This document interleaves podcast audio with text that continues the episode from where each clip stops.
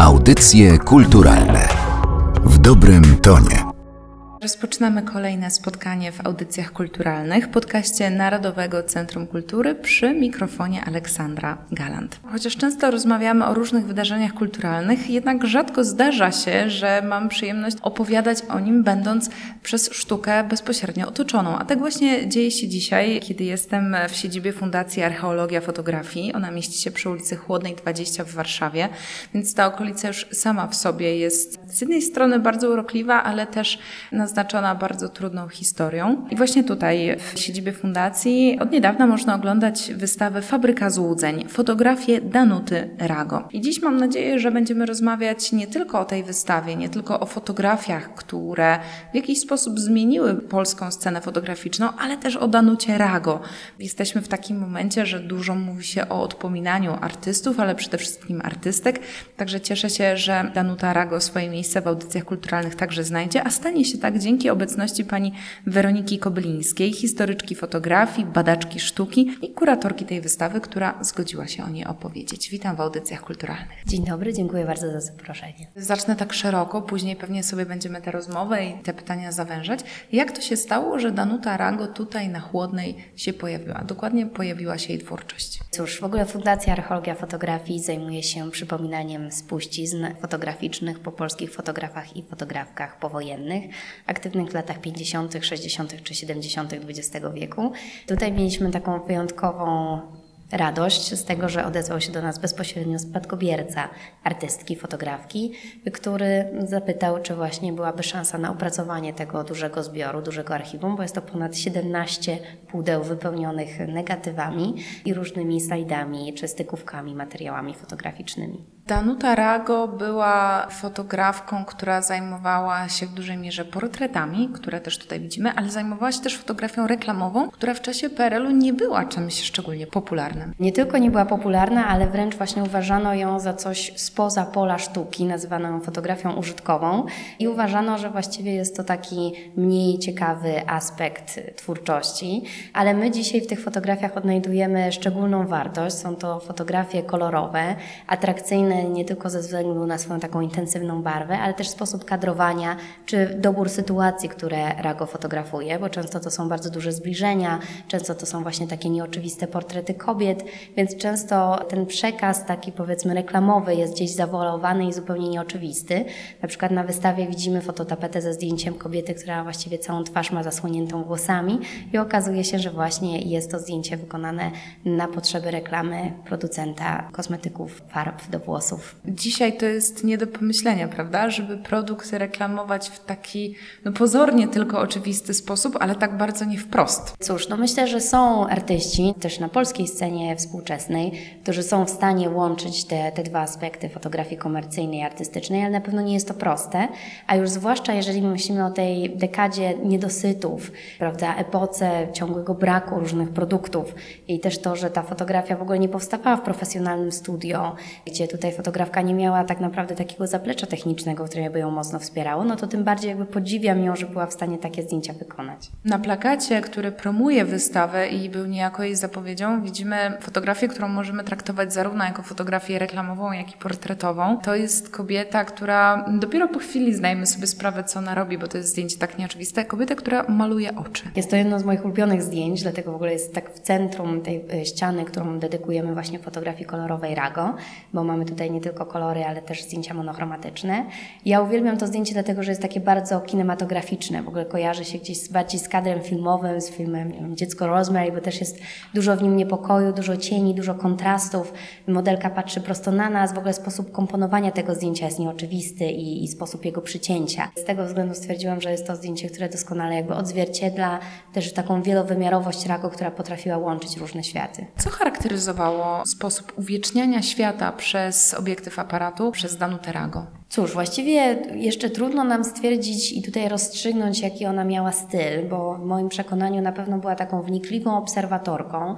Potrafiła zarówno wychwycić pewne sytuacje zastane, to znaczy obserwować miasto, tak jak w przypadku reportażu dotyczącego Nowego Jorku, gdzie ona pojechała w 1965 roku, gdzie to nie były żadne zlecenia, tylko raczej takie spontaniczne sytuacje, a z drugiej strony była w stanie wykreować ten świat od zera właśnie w takich bardzo prymitywnych e, warunkach. Potrafiła też działać na zlecenie, na przykład takiego czasopisma jak Perspektywy czy Centralnej Agencji Fotograficznej, gdzie musiała uwiecznić pewne zdarzenia polityczne, ale też pewne wykonane produkty w różnych manufakturach, fabrykach, które no, w tamtym czasie w PRL-u były no, bardzo częstym tematem w ogóle fotograficznym, ale w jej wykonaniu te zdjęcia znowuż nabierają takiego bardzo filmowego charakteru, więc miejsce produkcji Syrenek czy Fiatów 126P no, ma taki moim zdaniem wyjątkowy urok, bo jest tu taka multiplikacja pewnych motywów, zwielokrotnienie jego, co wydaje się takie zupełnie surrealistyczne.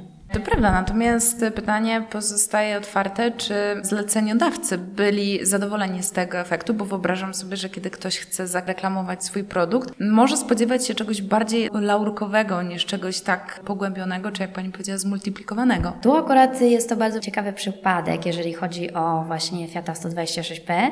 Danucie Rago udało się wydać cały album FSM, czyli Fabryce Samochodów Małolitrażowych, gdzie bardzo wiele jej zdjęć zostało zamieszczonych, również część z tych, które pokazujemy na wystawie.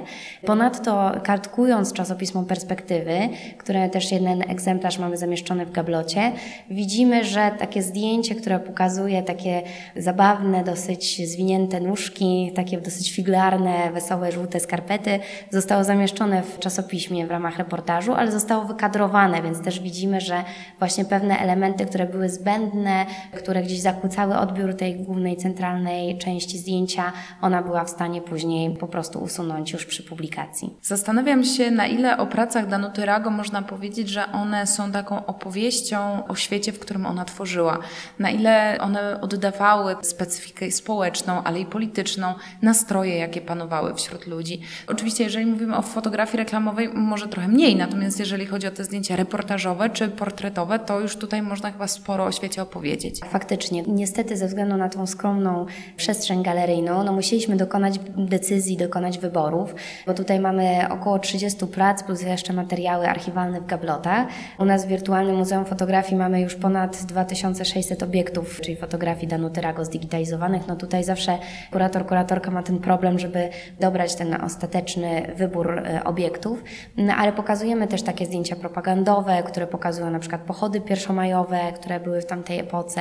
Pokazujemy właśnie te reportaże związane z takimi przestrzeniami fabrycznymi, budowy wielkich takich petrochemii, więc gdzieś ten krajobraz taki bardzo specyficzny, ekonomiczny i społeczny w ogóle PRL-u widzimy i kontrastujemy go celowo z tą Ameryką, no bo wydawałoby się, że to są dwa niekompatybilne światy, zupełnie różne systemy, jeżeli chodzi o gospodarkę, ale oba w jakimś sensie rozczarowują. W ogóle te reportaże Rago czarno-białe mają sobie taką surowość, taką brutalność, to sfotografowanie takie od dołu kominów fabrycznych, gdzie one są takie zmonumentalizowane, no jest w tym pewien taki niepokój, poza tym, że na pewno robi to wrażenie. No w związku z czym no widzimy, że ten i system kapitalistyczny, gdzie są nierówności społeczne i ten socjalistyczny ciągłego deficytu jakby produktów gdzieś spotykał się z taką zawolowaną krytyką w tej fotografii.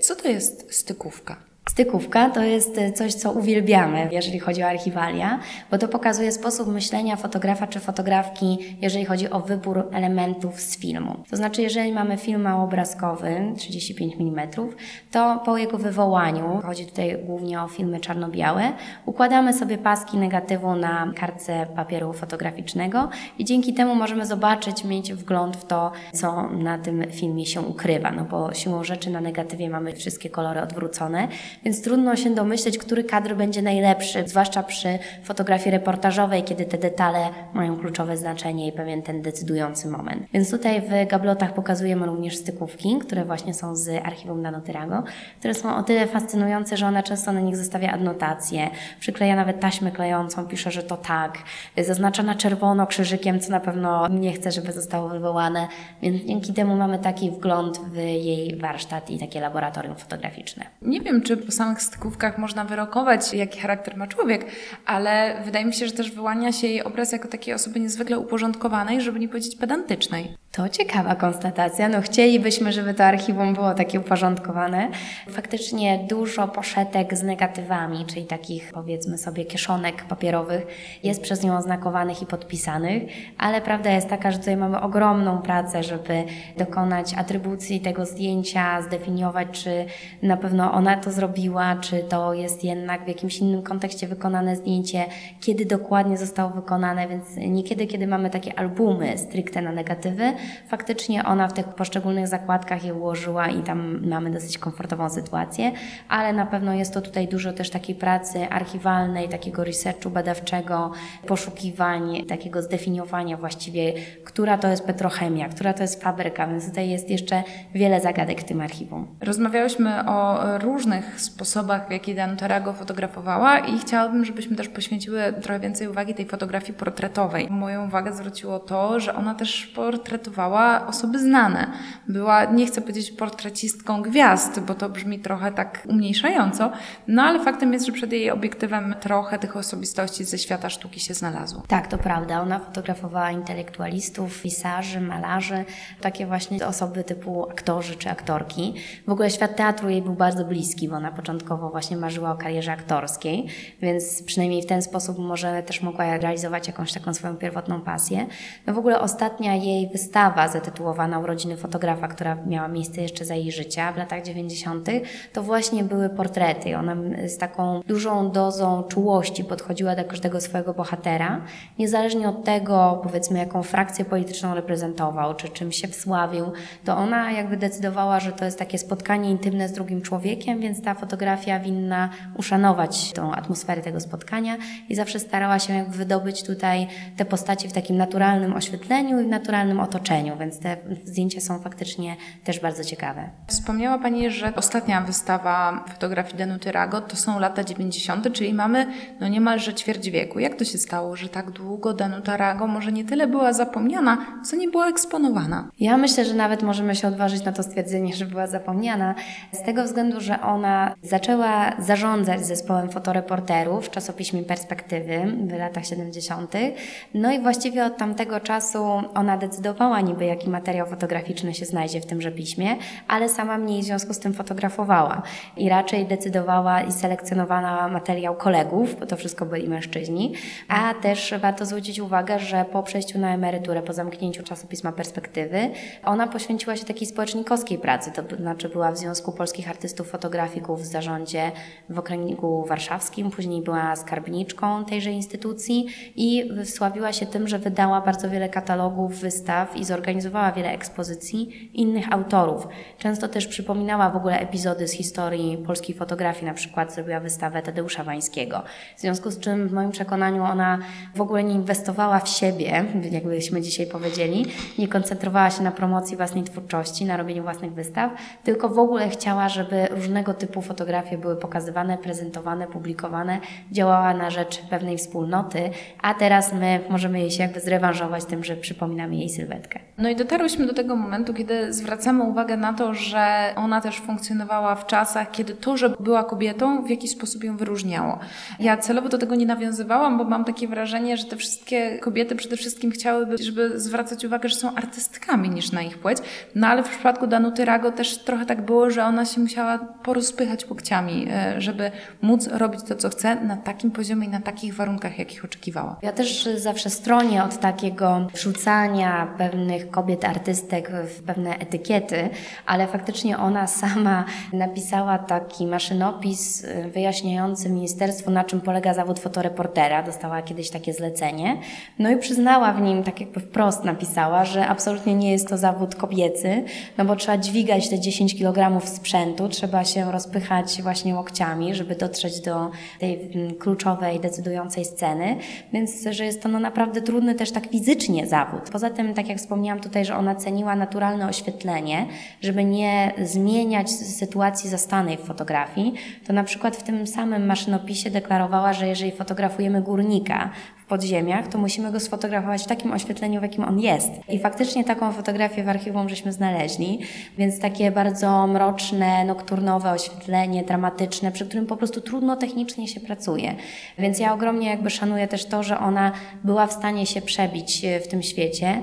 Tutaj także pokazujemy taką publikację Samożycie, która została wydana w latach 70., gdzie na 40 nazwisk fotografów, których zdjęcia są opublikowane, ona jest jedyną kobietą, więc no faktycznie ta dysproporcja no, jest no, bardzo widoczna. Zastanawiam się, czy to, o czym Pani mówiła, chociażby to przywiązanie do fotografowania ludzi w ich naturalnym otoczeniu, środowisku, miejscu pracy, czy to możemy traktować jako taki podpis Danuty Rago, coś, co jest takim e, pojawiającym się charakterystycznym motywem, który pozwala nam zwracać uwagę na to, że to właśnie są jej zdjęcia. Jeżeli nie to, to może jest coś innego, co było takim, taką swoistą sygnaturą. Dopiero właściwie jako Fundacja Archeologia Fotografii pracujemy nad opracowaniem tego ogromnego zbioru. Dla mnie jest to cały czas nić zaskoczeń, bo kiedy porównujemy jej zdjęcia z drugiej połowy lat 50. i te zdjęcia z lat 70., e, ciągle odkrywamy, że ona była w stanie coś nowego wyłuszczyć, coś nowego odnaleźć. Na pewno jest tam niesamowita wrażliwość też na kolor. Ona robiła niesamowity reportaż z konserwacji panoramy racławickiej i jest przepiękne to, jak ona jest w stanie wydobyć pewnego rodzaju iluzję, taką, że widzimy zarówno tych konserwatorów, jak i to płótno, które jest konserwowane, ale mamy wrażenie, że to wszystko jest jedna całość. Więc myślę, że taka gra właśnie z rzeczywistością, takie kalambury wizualne to jest u niej bardzo częste, a faktycznie, że te portrety są takie naturalne, niewymuszone, że widzimy, że te osoby czuły się swobodnie, myślę, w jej otoczeniu, bo bardzo często te fotografie znanych osób widać, że są troszeczkę reżyserowane, prawda, że to tło jest specjalnie dobrane, w związku z czym no myślę, że to jest y, dosyć taki mocny wyróżnik tej fotografii portretowej. To na sam koniec zadam pytanie, które być może powinno nasze spotkanie rozpocząć, ale dlaczego nie spróbować go nim zakończyć? Mianowicie, czym jest fabryka złudzeń? Wspomniałyśmy tutaj w tej audycji o właśnie reportażu z przestrzeni produkcyjnych, gdzie powstawały syrenki czy Fiaty 126P, więc ten temat w ogóle przemysłu taki industrialny, jeżeli chodzi o epokę PRL, był dosyć istotny. Też w twórczości Rago bardzo wiele takich zdjęć znajdziemy i każde z nich jest inne i każde z nich ma jakiś taki ciekawy sposób kadrowania czy podejścia do tematu, ale z drugiej strony, no dlatego nazywamy to fabryką złudzeń, no bo wszystkie te systemy, w których i Rago funkcjonowała i które obserwowała poprzez swoją fotografię, no ona gdzieś się do nich odnosi z pewnego rodzaju dystansem. No właśnie jest w tym taka nuta melancholii, nuta trochę nostalgii, ale też te zdjęcia są takie bardzo surowe, w związku z czym no możemy podejrzewać, że to takie napięcie i taka niechęć, prawda, i zarówno do socjalizmu, jak i do takiego kapitalizmu gdzieś wykorzystującego jednostkę, no bo widzimy takie zdjęcia Nowego Jorku, gdzie są osoby bezdomne na ulicy, gdzie jest pewnego rodzaju taka atrofia, rozkład, gdzie poszczególne zakłady i sklepy są zamknięte, więc ten amerykański sen absolutnie się nie spełnia. No myślę, że tutaj to łączy te bardzo różne obszary fotografii Danuty Rago w tym tytule. A odkryć twórczość Danuty Rago można wybierając się do Fundacji Archeologia Fotografii, której siedziba mieści się w Warszawie przy ulicy Chłodnej 20, bo jeszcze do grudnia można tam oglądać wystawę Fabryka Złudzeń, fotografię Danuty Rago, o której dzisiaj opowiedziała kuratorka tej wystawy, historyczka fotografii i badaczka fotografii Weronika Koblińska. Bardzo dziękuję Pani za rozmowę. Dziękuję. Audycje kulturalne w dobrym tonie.